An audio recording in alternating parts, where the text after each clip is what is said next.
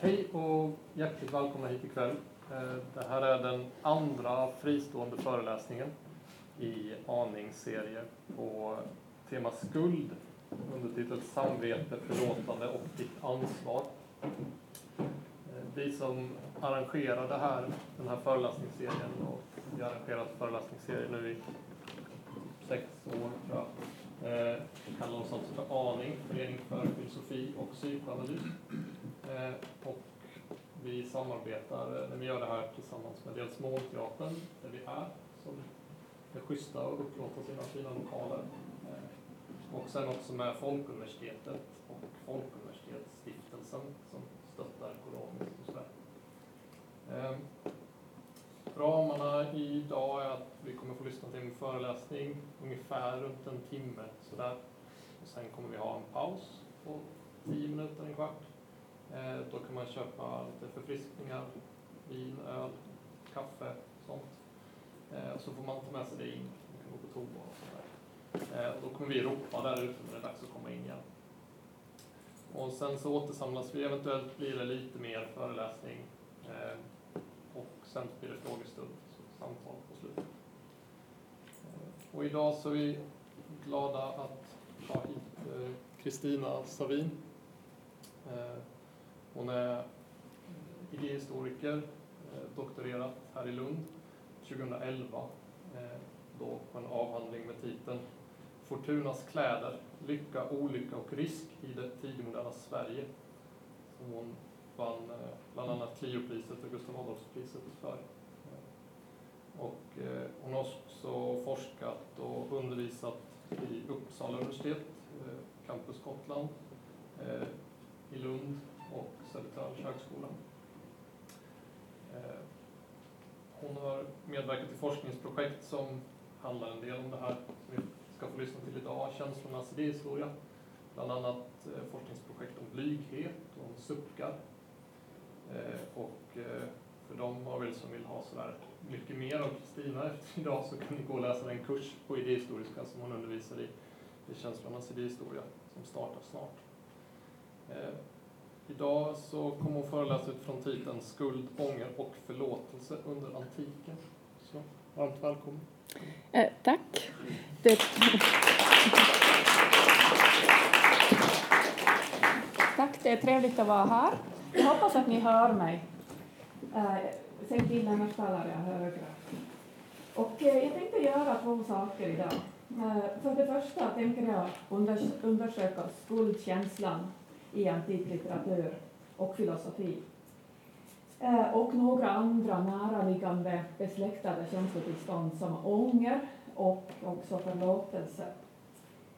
Men jag tänkte börja med Sigmund Freud som, eftersom det är ett sammanhang där det verkar vara lämpligt. Nu kanske ni är Freud-experter allihopa, eh, men ni får gärna komplettera efter föreläsningen och, och ehm, komma gärna med era perspektiv. Eh, alla som har läst Freud eh, har säkert märkt att det förekommer mängder med referenser till antiken. Både myter, eh, referenser till teorier, beskrivningar av föremål.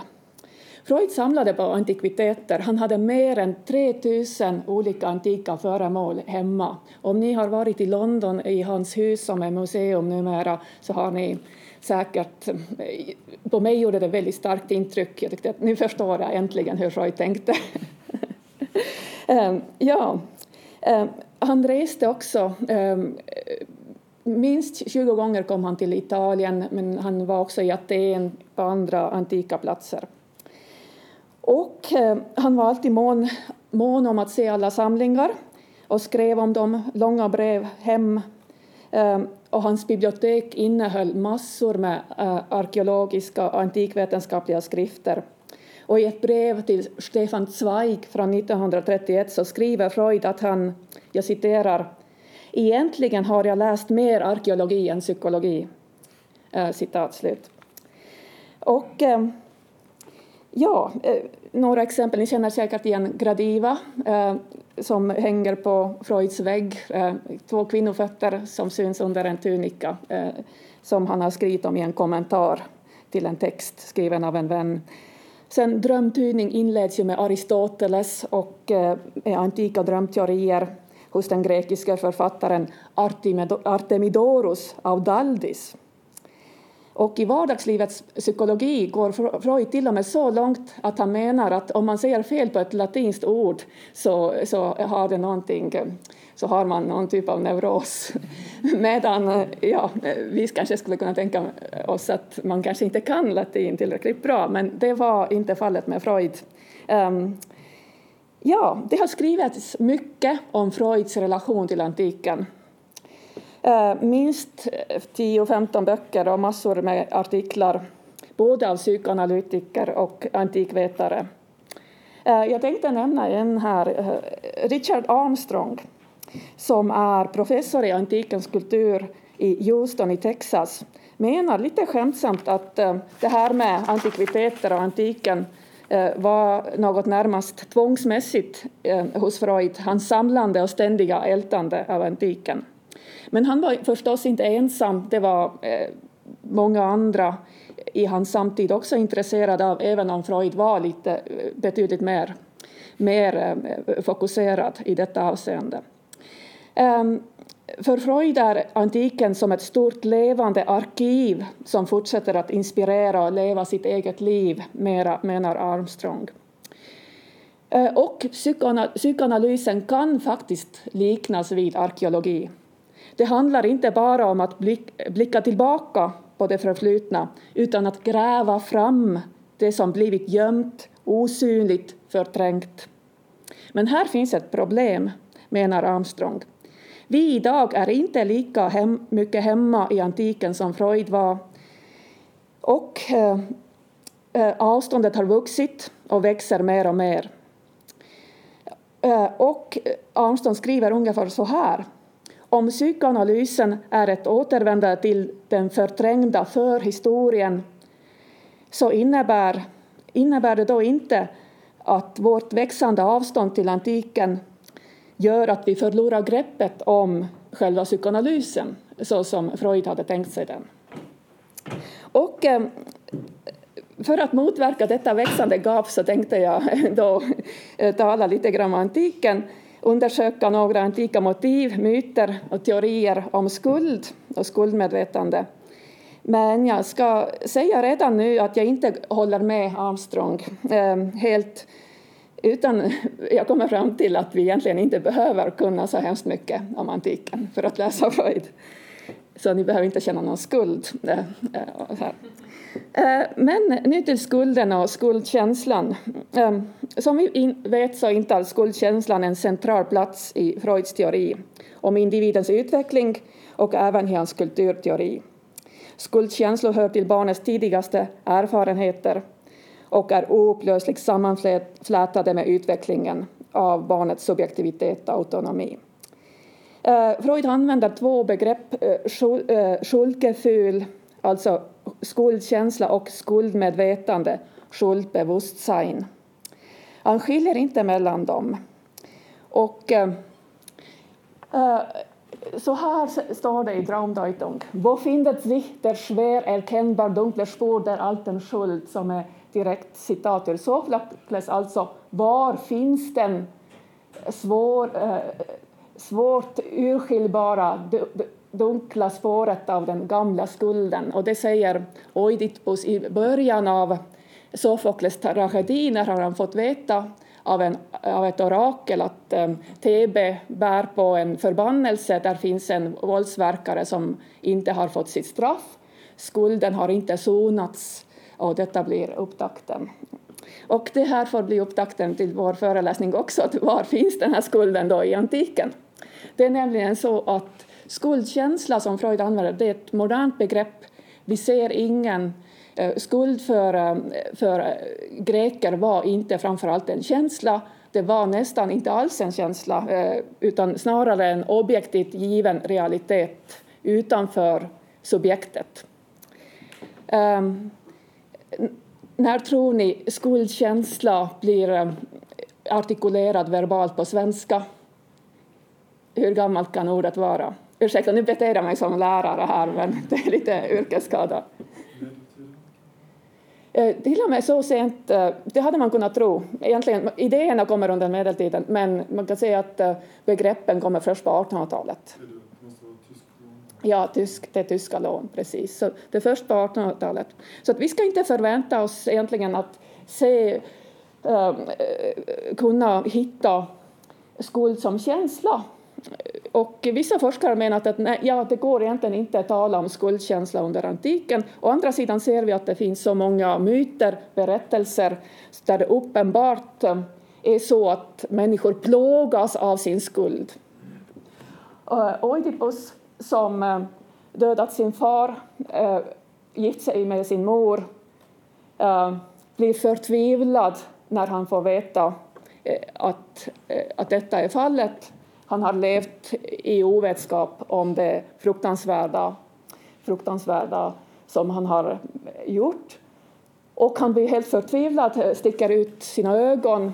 Ehm, Sofokles skriver att han känner förtvivlan och skam, men det står ingenstans att han känner skuld. Så skuld är svår att eh, spåra här. Skammen och förtvivlan eh, hittar vi här. Men eh, det här nu ska vi inte ge upp, utan vi ska leta upp den här skulden, spår, eh, spåret av den dunkla skulden i antiken. Och eh, om vi går till den teori som formulerade känslor, eh, teorier om känslor allra först, det är retoriken. Och retoriken, den första, den första person i västerlandet att formulera en teori om känslor var den grekiske sofisten Trasumakos från Kalkedon ehm, som har skrivit ett verk som hette Eleoi, alltså tal som väcker medlidande och eh, stillar vrede, och antagligen rättegångstal. Eh, rätten, rättegången är en sån här ursituation för den antika retoriken.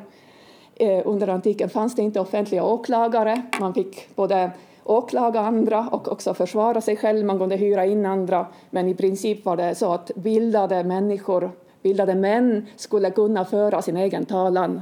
Och därför fanns det då tidigt eh, lärare i talekonst som kallas sofister. De har fått lite dåligt rykte i filosofihistorien, men eh, det är oförtjänt. Eh, de är mycket intressanta och speciellt som de eh, formulerar de första idéerna kring mänskligt känsloliv. Eh, nu är det här verket förlorat, men eh, däremot har vi kvar Gorgias, Gorgias den berömde sofisten Gorgias som eh, omtalas av eh, Platon eh, och kritiseras av Platon i hårda ordalag. Gorgias har efterlämnat eh, ett exempel på hur ett sånt tal kunde gå till, hur man kunde urskulda någon. Och genom urskuldandet får vi också tag på den här skulden. Hur menar man att skuld uppstår? Hur kan man rena sig från skuld genom ord? Från början, det betyder ren tvagning. Bakom det här finns också en religiös bakgrund. Att verkligen bokstavligen tvätta sig ren en rituell renhet, tanken om att vara befläckad och rengöra sig rituellt. Men nu när vi kommer till 400-talet så eh, eh, eh, tittar vi mest, idag tittar vi mest på filosofiska idéer här. Ja, hur, hur kan man urskulda någon? Det här handlar då om en situation, vi kan tänka oss att det är en rättegång och vi ska bevisa någon skuld eller tvärtom motbevisa att, det finns, att personen har en skuld. Och eh, Gorgas menar att det här, är, eh, det här kan vi genomföra med hjälp av ord. Ehm, eh, orden, talet är en mäktig härskare som kan omvända, eh, som kan bota rädsla, lindra sorg, inge glädje och väcka medömkan ehm, och eh, också vända, vända på frågan om skuld. Och som exempel tar han upp den sköna Helena. Eh, och ni kanske har sett filmen eh, om det trojanska kriget. Som jag tror det är Achilles som Brad Pitt är Achilles och han väcker upp, vaknar upp i en tält mellan två tjejer och har rastaflätor. Ungefär så börjar filmen. Eh, jag rekommenderar den, även om den är lite, lite tråkig. jag somnade, eller nej, jag ska inte säga mer. Så, eh, eh, ja. Och Gorgias har skrivit ett lovtal över Helena och man kan undra hur han hur han kan lovprisa en sån person. Helena har en skuld. Hon är en av de mest hatade kvinnorna i Grekland.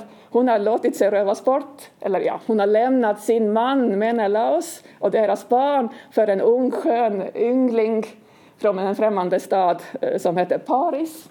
Och detta har startat det trojanska kriget, fruktansvärda lidande, det största historiska traumat i mannaminne.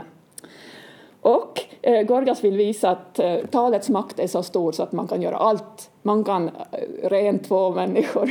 Skuld är en fråga om hur vi framställer saker. Det är en retorisk fråga också. Och vad säger han då? Jo, ja, eh, Gorgas konstaterar till att börja med att Helena är fördömd av alla och bara hennes namn väcker eh, käns eh, negativa känslor. Namnet påminner om olycka. Men om vi tänker efter så eh, dels, eh, då, då verkar det rimligt att Helena inte handlat av fri vilja utan blivit tvingad av krafter som hon inte kunnat stå emot. Antingen var det slumpen, gudarnas vilja, ödets nödvändighet eller så kan hon ha blivit bortförd med våld. Hon kan också ha blivit utsatt för övertalning eller drabbad av åtrå. Um, så att vi har här ödet, våld, övertalad eh, kärlek och så. Gud, eh, ja. Och ehm, alltså är hon inte skuld, har, har hon ingen skuld till det som har skett. Därför ska hon inte ses som förövare utan som ett offer värt vårt medlidande. Och talet, det här talet illustrerar retorikens svåraste utmaning att göra det svagare argumentet starkare. Det är en sån klassisk retorisk övning.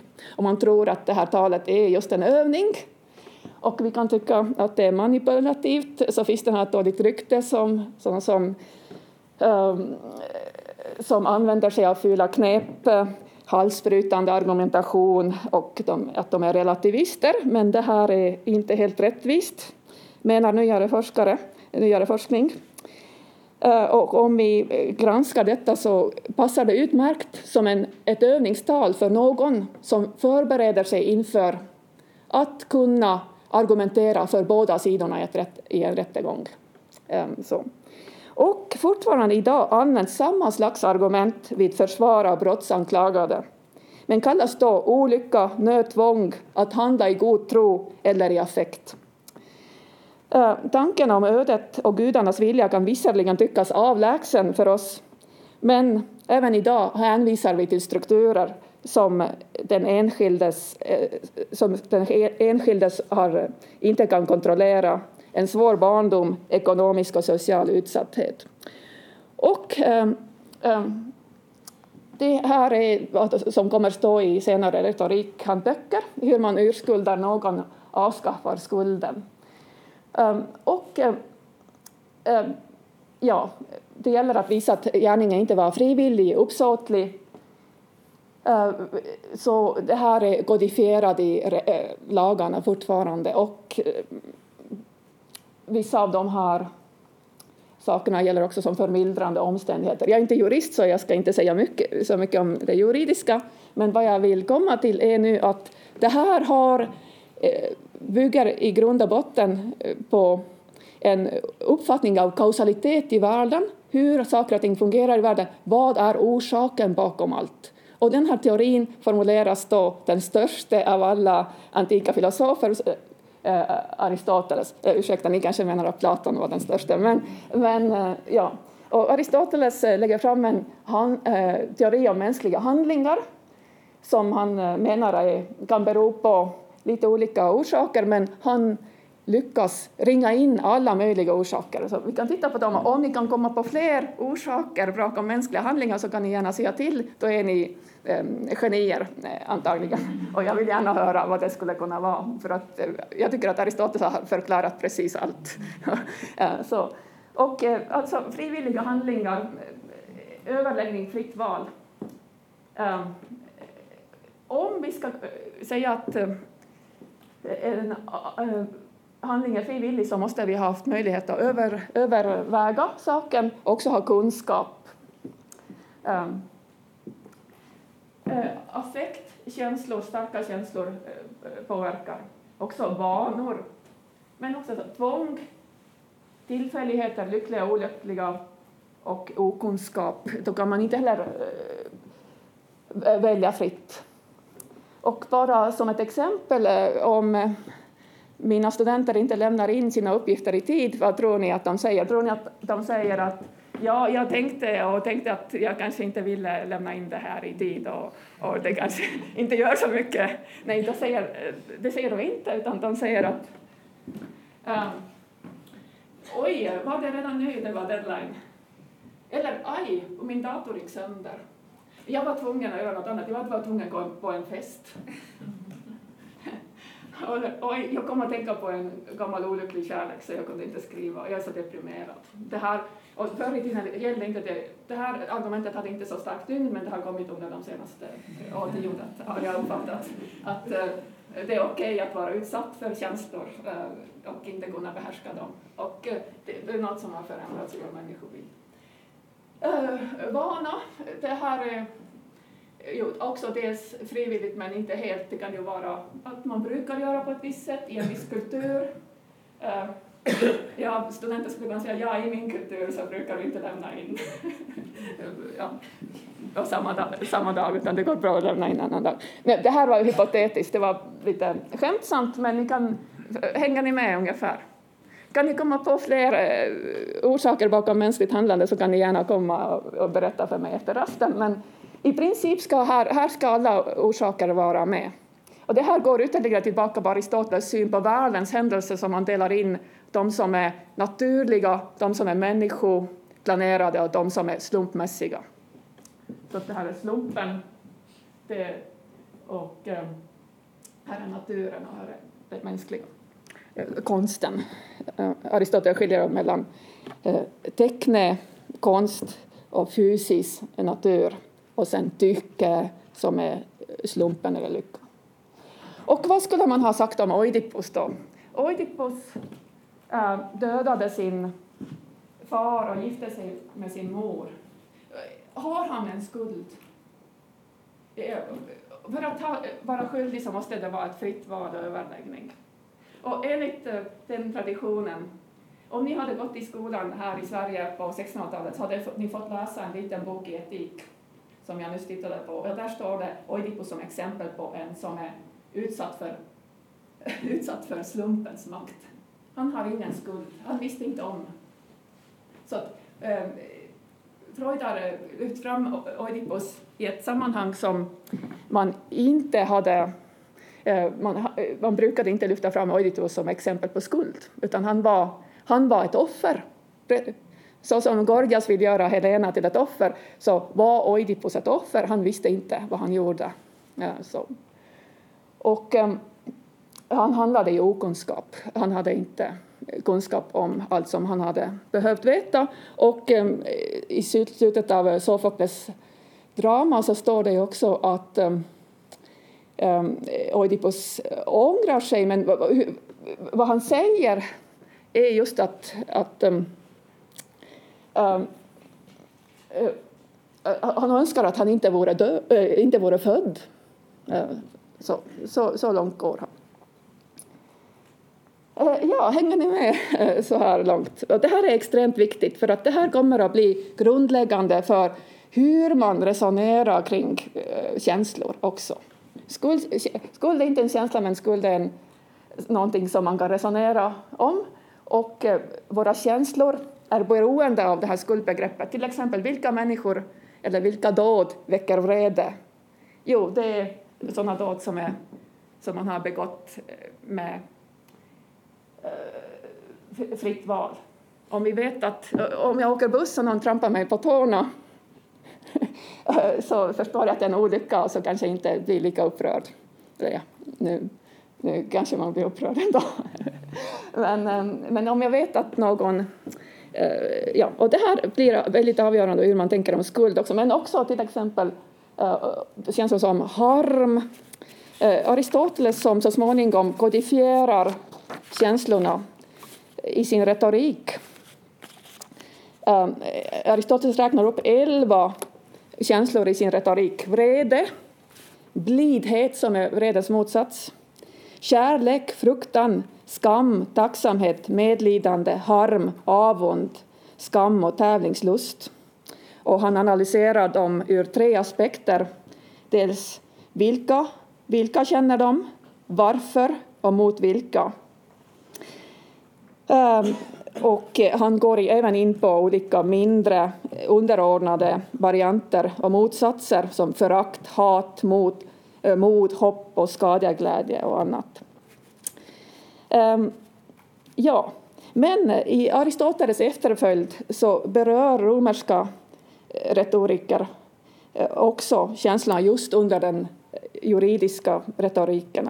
Retoriken brukar uppdelas så att det är dels festtalsretorik, ett tala vid bröllop, begravningar, eh, fester, Sen har vi den juridiska retoriken, att tala vid rättegångar, och sen den politiska retoriken, att um, tala inför offentlighet och då att rådgiva eller eh, råda eller avråda.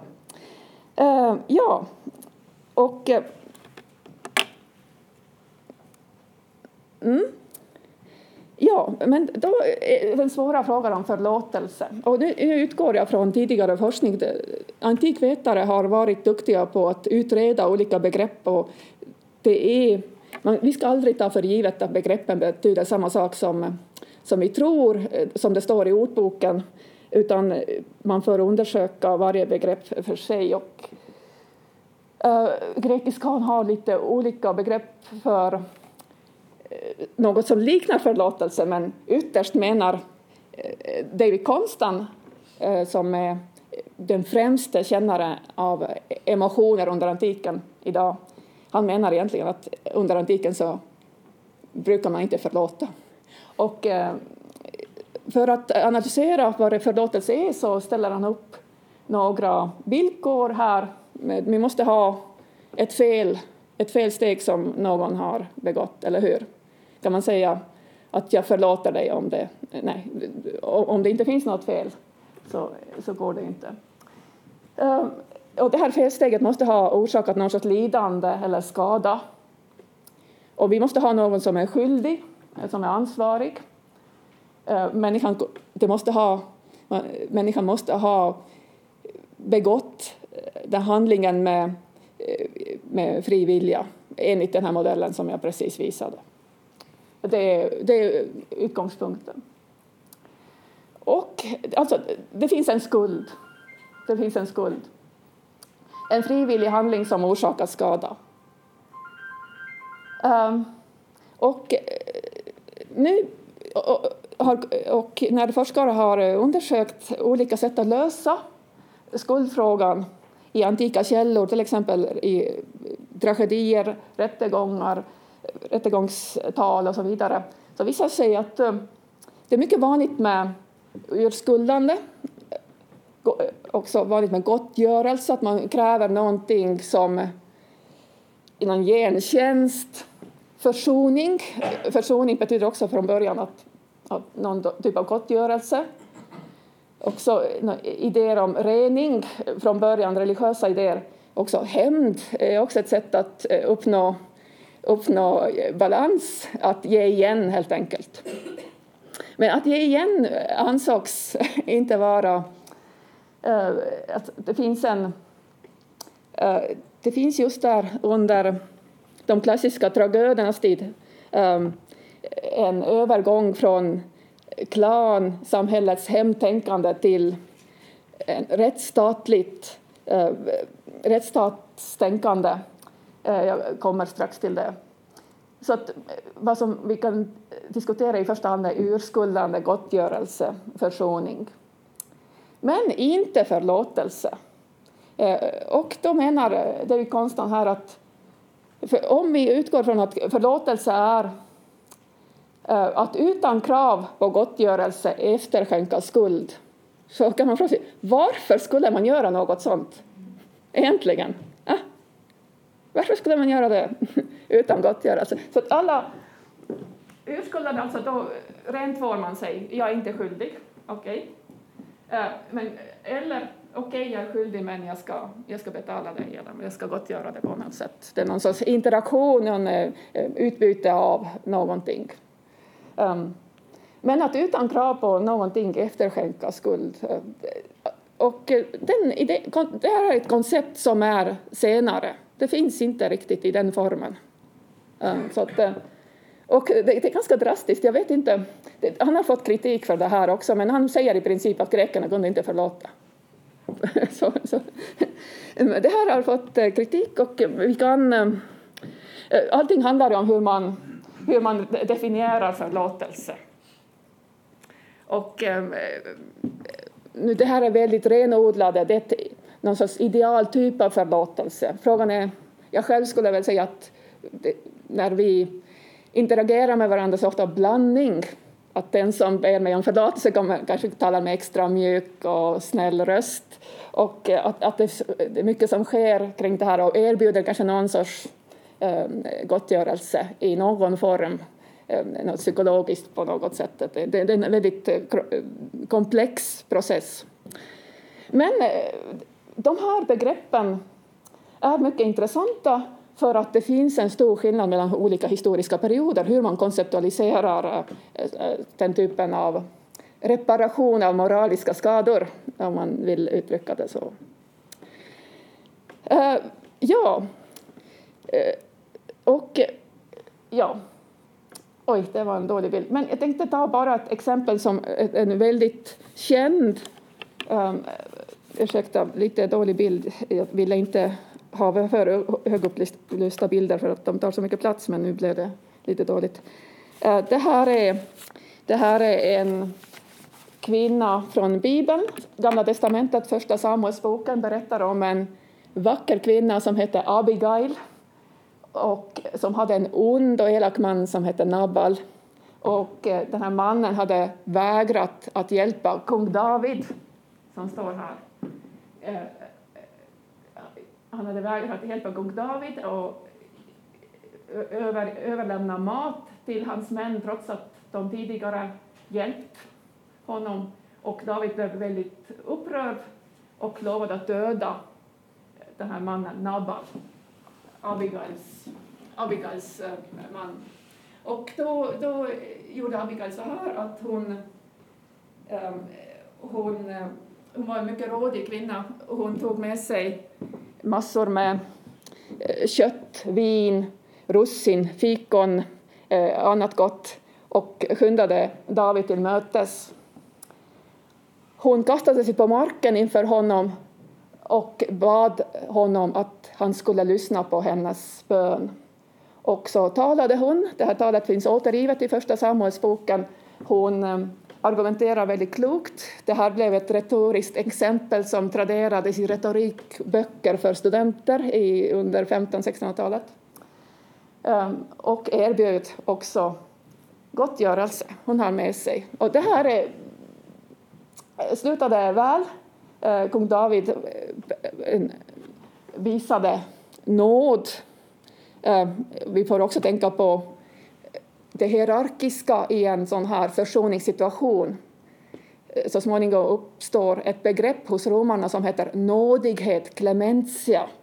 Eh, så att eh, förlåtelsen och försoningen är hierarkisk. Det är bara högt uppsatta personer. Det är en första dygd att vara nådig. En underordnad kan inte vara nådig mot överordnad. De underordnade kan vara eh, eh, någonting annat. Då, eh, ja, ett, och, men återigen, eh, gottgörelse. Det här är inte förlåtelse, utan det är nåd. Det är en ytterligare en variant, en antik variant av...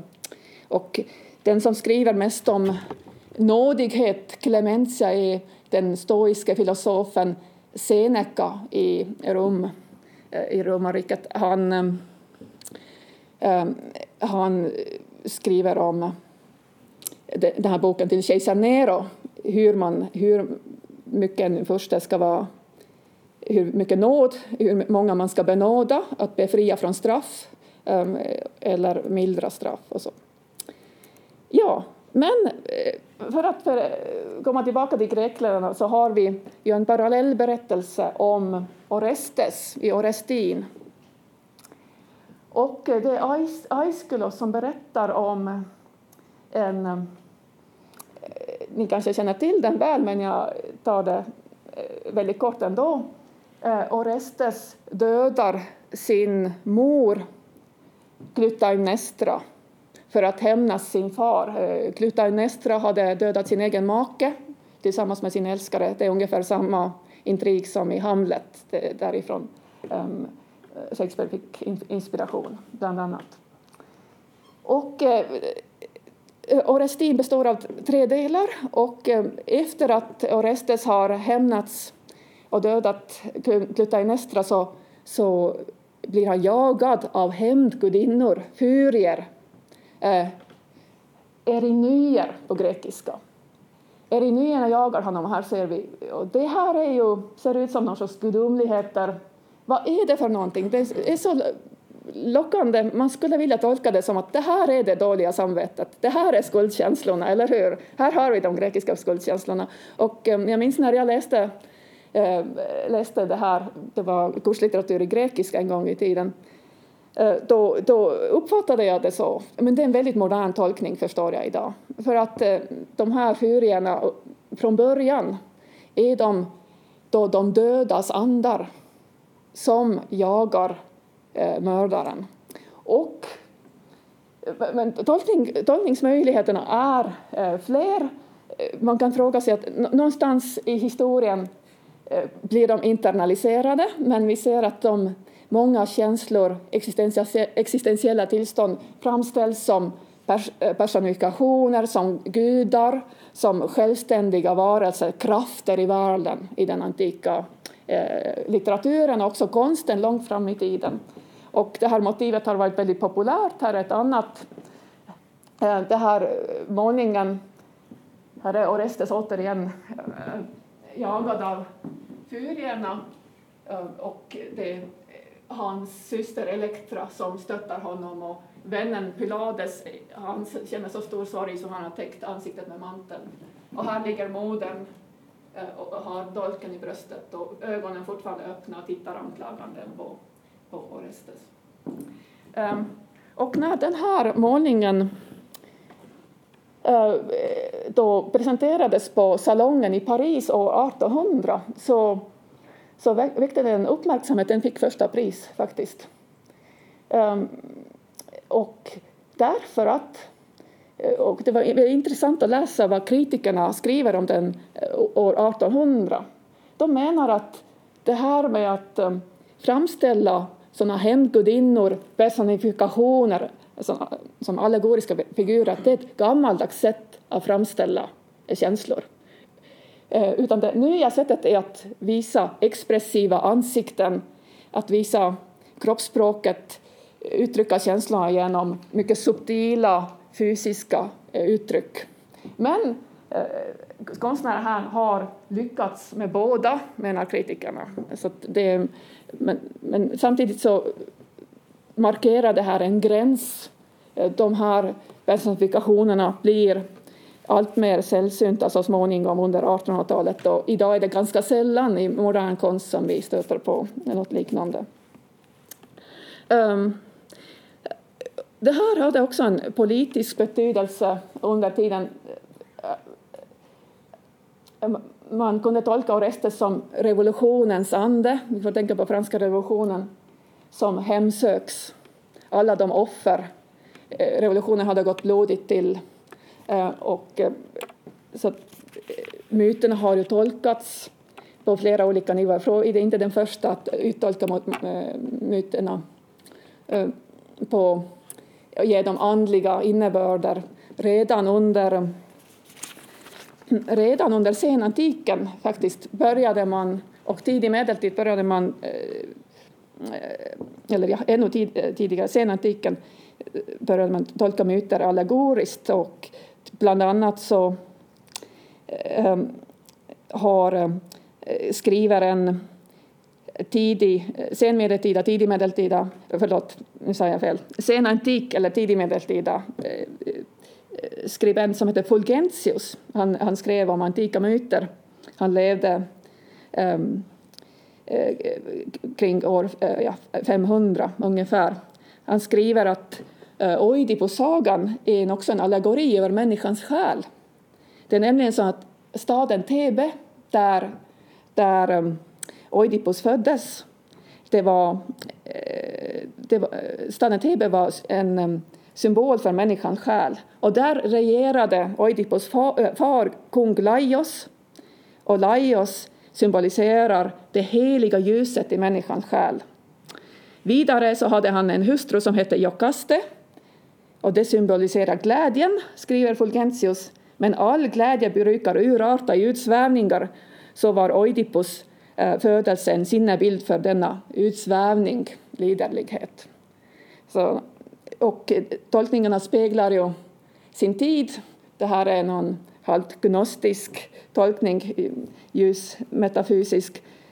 Men, ehm, eh, och liknande tolkningar kan vi hitta också senare eh, under historiens gång.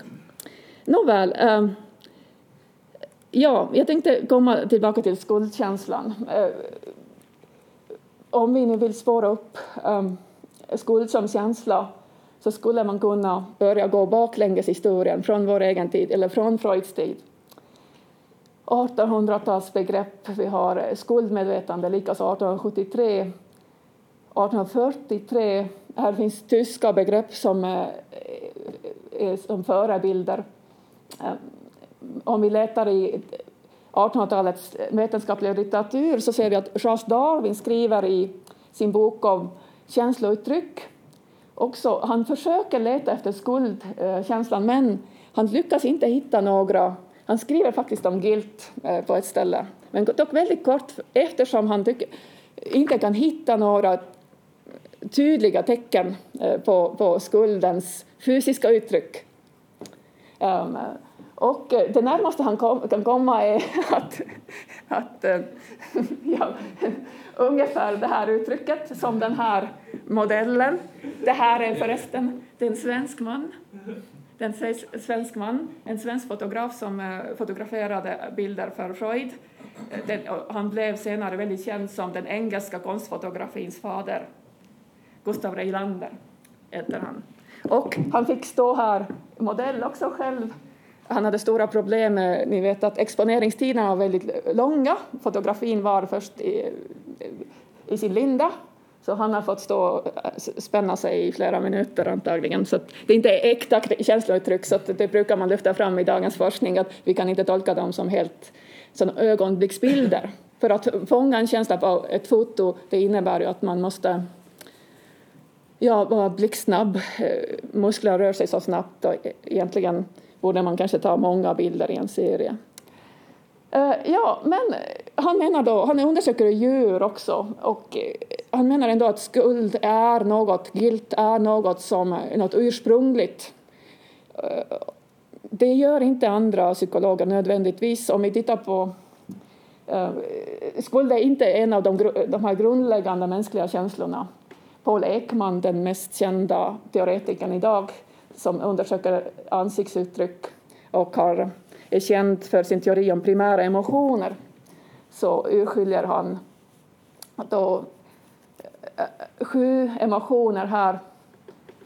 Det är de mest grundläggande, de andra är mer kulturbundna och skulle inte här. Eh, under sådana här försök har funnits sedan, sedan antiken egentligen det mest kända är Charles Lebrun som var Ludvig den XIVs hov, hovmålare som systematiserar passionernas uttryck eh, och knyter dem till René Descartes fysiologi. Descartes hade en teori om tallkottkörtelns betydelse eh, som en sån föreningspunkt mellan kropp och själ. Och eh, Charles Lebrun försöker räkna ut hur tallkottkörteln ligger i relation till ögonen vid olika emotioner. Så det är en ganska intressant teori. Men hans, eh, hans eh, teckningar blev jätteinflytelserika och eh, många konstnärer använder hans uttryck. De är väldigt mångskiftande, nyanserade och så. Här har vi ja, förtvivlan, oro och så vidare. Ja, men nu vill jag komma till ångern. Eh, då. Ånger. Hur är det med ånger då? Kunde, om de inte kunde förlåta någonting, de här gamla grekerna, kunde de ångra sig åtminstone? Och det är illa ställt med ånger i Grekland, tyvärr. Och eh, jag ska eh, strax förklara varför. Ja. Den brittiska antikforskaren Laurel Falkerson menar att det finns en grundläggande skillnad mellan hur, hur man såg på ånger under antiken och hur den kom att uppfattas senare i västerländsk tradition. Eh, I modern tid så har ångern kommit att uppfattas som, eh, som ett avgörande steg på vägen till bättring och insikt, självinsikt. Att omvärdera sina tidigare beslut och handlingar är ett viktigt steg på den personliga utvecklingens väg. Man, blir, man mognar. Och därför kan ångern idag betraktas som något gott. Det är en känsla med en livsförändrande potential, skriver hon. Ehm, jag vet inte om ni håller med, ni kan ju säga emot sen. Men i antika texter saknas denna positiva sida hos ångern helt. Ångern är rätt och slätt en följd av begångna felsteg. Ehm, att fatta beslut, agera och ångra sig sedan visar på bristande klokhet och karaktärsstyrka, frånvaro av dygder. Och dygd ska alltid utgå från fri vilja och eh, medvetna över, överväganden, överläggning, alltså det här första rutan på vår bild. Det är det som eh, en, en föredömlig adelsman eh, ska rätta sig efter. Eh, Aristoteles etik är ju skriven för de högre samhällsskikten, det får vi inte heller glömma.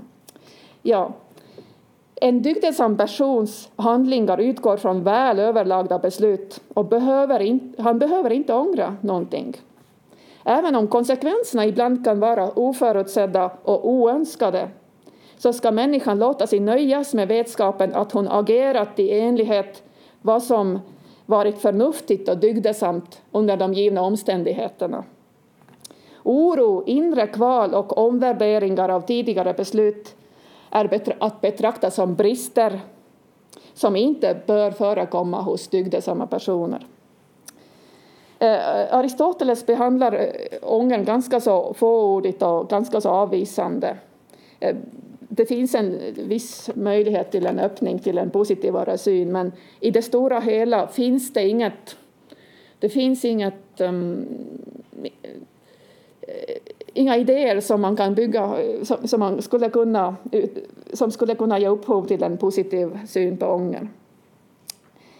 Um, ja, vilka är det som visar ånger i antika texter? Jo, det finns eh, människor i antika texter som visar ånger. Det är vanligen slavar, kvinnor, barn, ungdomar. Eh, såna, med andra ord sådana som brukar begå felsteg. Fullvuxna fria män tillhörande samhällets högre skikt förväntas göra rätt på första, på första försöket. En klok man lär sig av andras misstag, behöver inte göra några egna. Eh, um, också den, det fanns en tradition med sådana här historiska exempel. Man samlade historiska exempel i den klassiska traditionen långt fram till 1600-talet. Och då brukade det alltid heta att man ska bli klok genom andras misstag för att slippa begå några egna. Eh, uttryck för ånger skulle ha, skulle ha sänkt deras status. Eh, och därför är det vanligt att man eh, utreder misstag genom självförsvar eller angrepp mot andra. Um, ja. Och det finns mycket kända scener i antik litteratur som man skulle kunna studera och se hur man löser dem. Ett av, ett så, ett sådan, en sådan situation förekom um, med Alexander den store, den store härföraren som lyckades bygga upp ett otroligt, väldigt stort rike men som själv inte alltid var så behärskad. Och då hände det eh, en gång eh, så att Alexander den store råkade döda sin vän Kleitos under ett dryckeslag. Han var berusad, de hamnade i ordväxling och Alexander slog till honom med någon typ av vasst föremål och Kleitos, som tidigare hade räddat hans liv och som var hans närmaste vän, dog. Och då kan man undra sig, var det så att Alexander ångrade sig? Om vi tittar i han, vad eh, antika historieskrivare skriver så jo, det gjorde han. Det står till och med så här att han drog ut kniven ur den dödes kropp och vände den mot sig själv. Han, alltså, han ville döda sig själv. Det här är det typiska scenen efter ett eh, misstag är att man blir förtvivlad. Det är ett tecken på förtvivlan. Då. Klassiskt. Men väktarna kom och tog ifrån honom eh, kniven.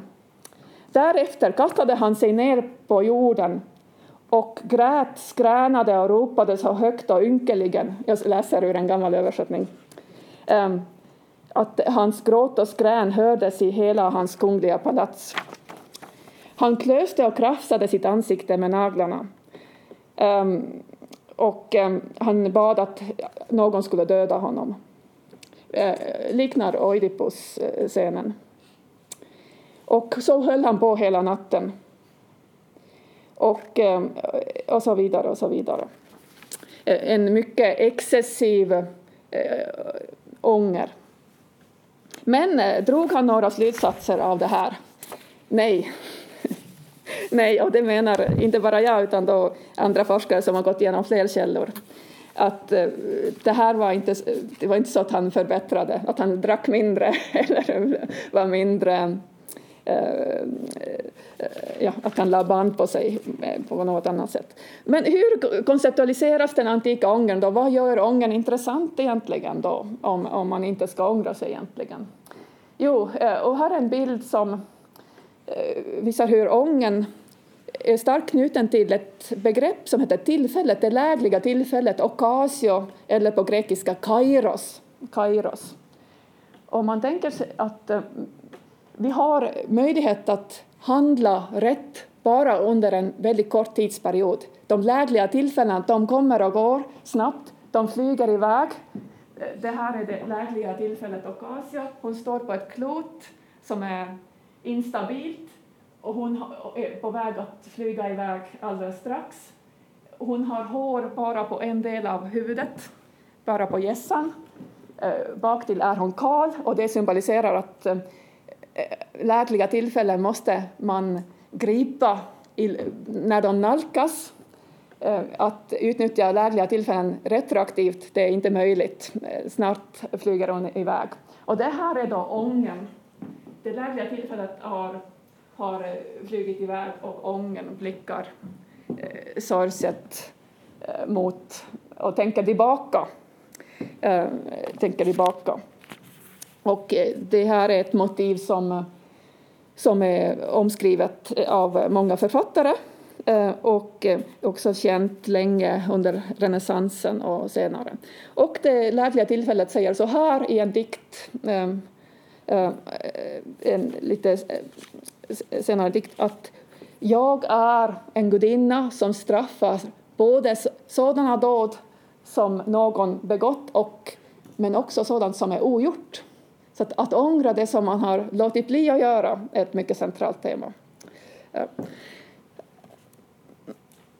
Ja, men det här skulden då, om vi ska leta efter hur skulden gör inträde, så finns det viktiga brytpunkter i historien och ett av dem är eh, syndafallet. I Första Moseboken berättas det hur Adam och Eva får lämna paradiset och det är först då eh, smärtsamma känslor introduceras i världen. Smärta.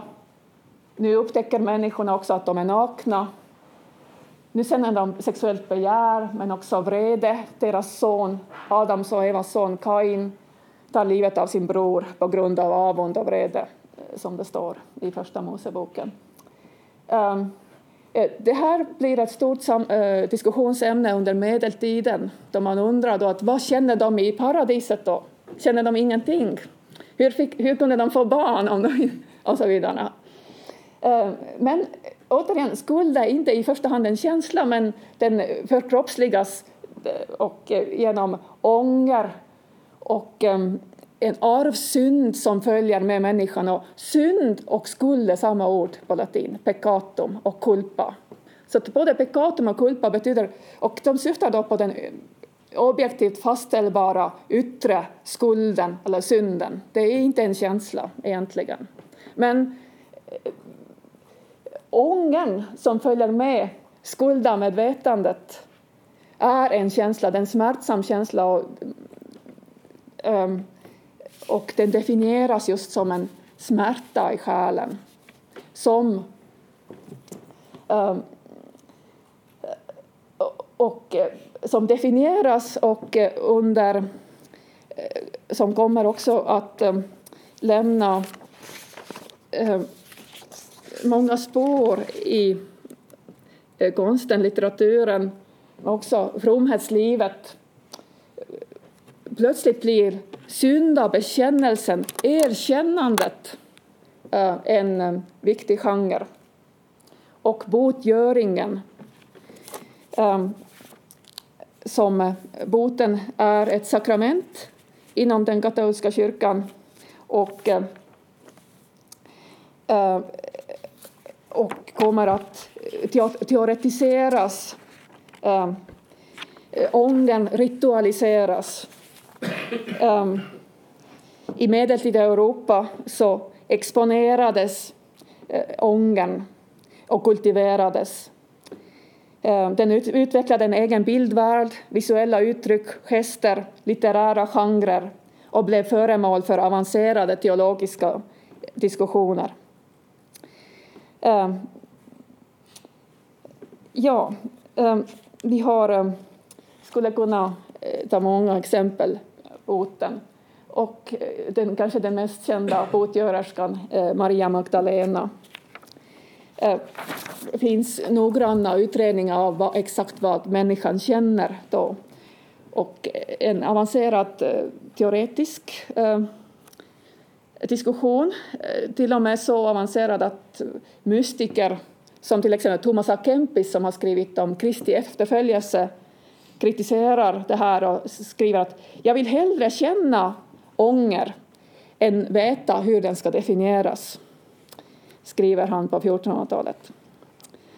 Um, ehm, ja, I katolsk teologi bestod botsakramentet av tre delar. Contritio, förkrosselse, Ehm, hjärtats förkrosselse, det är där smärtan kommer in, ången. Confessio, bekännelse, och Satisfactio, eh, eh, gottgörelse. Observera, återigen gottgörelse. Inte ens Gud förlåter utan, utan eh, någon gottgörelse. Botgöraren är smärtsamt medveten om sina synder och känner sitt hjärta krossas av sorg, så att ångens... Eh, när man definierar ången så är sorgen och smärtan det kärnan i, i, i ången. Eh, vidare bekänner botgöraren synderna för prästen och gottgör dem genom olika slags botgärningar som fasta, pilgrimsvandringar, allmosor, böner, korståg och så vidare. Eh, ja, även tårarna tillhör eh, boten. Det uppstår en tårarnas teologi eh, hur mycket man, man gärna, eh, tår, eh, på vilket sätt det är bra att gråta, helt enkelt. Um, ja. Um, sen under reformationen så överges botgöringsläran och boten övergavs som sakrament. Den lutherska teologin delade in botgörning i två delar. Sorgen över synderna, contritio, och tron, fides, på Kristus. Tron på Kristus. Så att, och rättfärdiggörelsen sker inte genom gottgörelse längre, utan genom Guds nåd. Genom nåd, på latin alltså gratis, utan några eh, gottgörande då, eh, gärningar. Eh, istället för gärningar så bildar känslorna botens kärna. Eh, boten består just i ett inre tillstånd, modernt uttryckt emotionellt och somatiskt kännbart inre tillstånd. En lärobok i teologi som lästes i alla svenska skolor på 1600-talet, Mattias Ahafenreffers Compendium Doctrine Celestis, Eh, det var en bok som alla skulle läsa, eh, det står i skolordningarna, eh, beskriver boten som jag citerar, en allvarlig och uppriktig smärta i hjärtat. Så här har boten blivit en ren känsla. Och sen ska tron, tron förstärkas efter det. Ehm, ja, och eh, samma sak inom de protestantiska inriktningarna eh, eh, ute i Schweiz och Holland och, och Skottland och USA. Eh, en engelsk författare skriver så här. Vi måste ge föda och näring åt denna sorg. Aldrig vara nöjda, utan önska tillsammans med profeten att våra huvuden ständigt ska vara outsinliga tårekällor. Uh, ja, det här är... Uh, har, ja, hur är det? Nu är det dags för rast. Ja, jag ska se bara hur... Eh, ja, egentligen är det så att um, jag skulle kunna eh, sluta här också. ja, jag tänkte bara att eftersom vi håller på med Freud här så eh, jag hoppas att ni vet om att Platon också delade in själen i tre delar. Och vissa forskare har ju lyft fram detta som någon sorts um, parallell eller förebild för Freud. Och eh, detta skriver han i Staten framför allt, men även i Phaedros har han en väldigt fin metafor. Och själen är som en ett tvåspann med en kusk. Och eh, det är ett tvåspann som är väldigt svårt, svårstyrt eftersom hästarna strävar åt olika håll. vi har, först har vi kusken som är förnuftet, då, en rationell del, förnuftet som försöker styra, som strävar efter sann visdom, ren kunskap, rättvisan själv och till det kommer man då genom den dialektiska diskussionen som Sokrates står för, att resonera sig eh, fram till kunskap. Men sen har vi en affektdel som representeras den vita vackra hästen som strävar efter ära, äregirighet, vrede, mod, fruktan, skam, hopp. Eh, de känslor som vi eh, benämner emotioner idag, de kallas för, Eh, för de, de, de är där. Och sen har vi en drifts eller begärsdel, epitymetikon, en ond, ful, svart häst som drar själen nedåt. Tyvärr har ingen sån vild, det, det är förstädade hästar där. Men, eh, och de strävar efter det lustfyllda. De är tygellösa, självsvåldiga. Det handlar om begär efter mat, dryck, sexuellt begär och så vidare.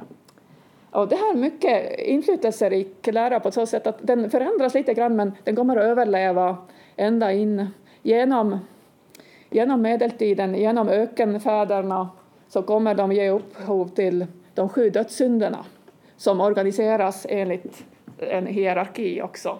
De lägre dödssynderna som frosseri som tillhör trivsel, begärsdelen, sen vrede, avund eh, högre upp. Um, uh, ja, och uh, det, vi kan inte riktigt dra paralleller med överjaget, men, men det är nästan, nästan så att man vill göra det. Um, och, um, och, och jaget och, och detet. Men det är inte, inte, inte riktigt så. Men uh, jag tänkte att det här skulle kunna vara um, något att fundera på också. Ja, men jag tänkte att vi kan eh, kanske fortsätta. Eller jag, jag kan kanske säga avslutningsvis då eh, någonting om Freud ändå. Hur vi ska eh, hur vi ska då förhålla oss till det här Armstrongs eh, påstående om att, att vi må, behöver, behöver antiken för att förstå Freud. Så de antika idéerna är väldigt annorlunda. Freud är inte intresserad av, att, av det historiska. Han är inte intresserad av historiciteten. Han är intresserad av universella, det som förenar människor i alla kulturer, i alla tider. Och um, han tar inte hänsyn till, till att eh, skuldkänslan inte förekommer i samma form eh, hos, hos Sofokles till exempel, eller ens senare. Um, utan för att förstå Freud bör vi kunna, eh, vi bör kunna eh, den judisk-kristna traditionen eh, och gärna också den existentialistiska traditionen eh, under 1800-talet. Och, men var han tragedin ett bra sätt att undersöka skuldkänslor på så att man skulle kunna Eh, det finns forskare som har försökt se hur skulden konceptualiseras i tragedierna och hur de konceptualiseringarna förändras genom århundradena. Till exempel den antika tragedin, eh, 1600-talstragedin som Walter Benjamin har skrivit om, men också den 1700-talets borgerliga familjetragedi. Alla har lite olika sätt att konceptualisera skuld, 1800-talet och så. så att, eh, det förenar Freud med... Det, det, är en bra idé att använda tragedierna och eh, han är inte heller ensam om den här eh, utläggningen, tolkningen som eh, vi såg att det fanns redan under medeltiden att läsa in andliga processer, själsliga processer i de antika myterna. Ehm, men men just de här antika koncepten eh, så eh, de är han inte intresserad av och de, han är inte alls tänkt på dem egentligen. Så jag hoppas inte det var ett tråkigt budskap. Men ni behöver, vi behöver inte alltså känna skuld för att eh, vi, om vi inte är så hemma i antiken. Vi kan läsa Freud ändå. Så, så det var då mitt budskap. ja.